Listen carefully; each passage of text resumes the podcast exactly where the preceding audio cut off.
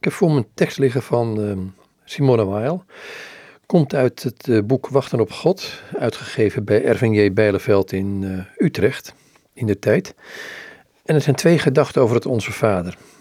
De eerste tekst gaat over Onze Vader die in de hemel is en de tweede over Uw naam worden geheiligd. Zij schrijft, Hij is onze Vader. Er is in ons geen realiteit die niet van Hem afkomstig is. Wij behoren Hem toe. Hij bemint ons omdat Hij zichzelf bemint en wij van Hem zijn. Maar Hij is de Vader die in de hemel is, niet ergens anders. Als wij geloven een Vader hier op aarde te hebben, dan is dat niet Hij, maar een valse God.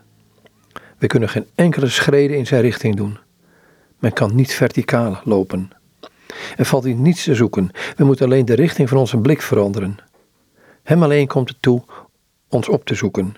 Wij dienen ons erover te verheugen dat God oneindig ver buiten ons bereik is. Zo zijn we ervan verzekerd dat het kwaad in ons, zelfs als het ons hele wezen overspoelt, in geen enkel opzicht de goddelijke zuiverheid, gelukzaligheid en volmaaktheid kan aantasten.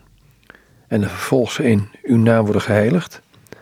God alleen is bemachtigd zichzelf een naam te geven. Zijn naam kan niet door mensen mond uitgesproken worden. Zijn naam is zijn spreken. Dat is het woord. Van elk wezen vormt de naam de bemiddeling tussen hem en de menselijke geest.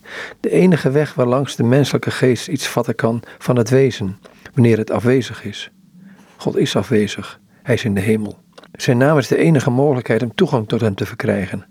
Dat is de middelaar. Hoewel ook deze naam transcendent is, is hij voor de mens toegankelijk.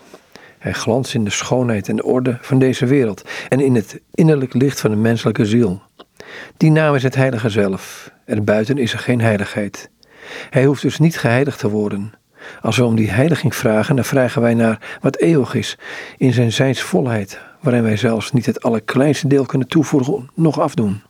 Binnenom wat werkelijk onwankelbaar en eeuwig is, en in geen opzicht van ons vragen afhankelijk is, zulk bidden is het volmaakte verlangen. Wij moeten wel verlangen. Wij zijn het verlangen zelf. Maar we kunnen van dit verlangen dat ons vastnagelt op het denkbeeldige, op de tijd, op het egoïsme, een hefboom maken, die ons uit de schijn overzet in de werkelijkheid, uit de tijd in de eeuwigheid, die ons uit de gevangenis van ons eigen ik bevrijdt, mits wij het verlangen volkomen laten opgaan in de beden om de heiliging van Gods naam. Al de Simone Weil in Wachten op God, een gedachte, een beschouwing bij het Onze Vader.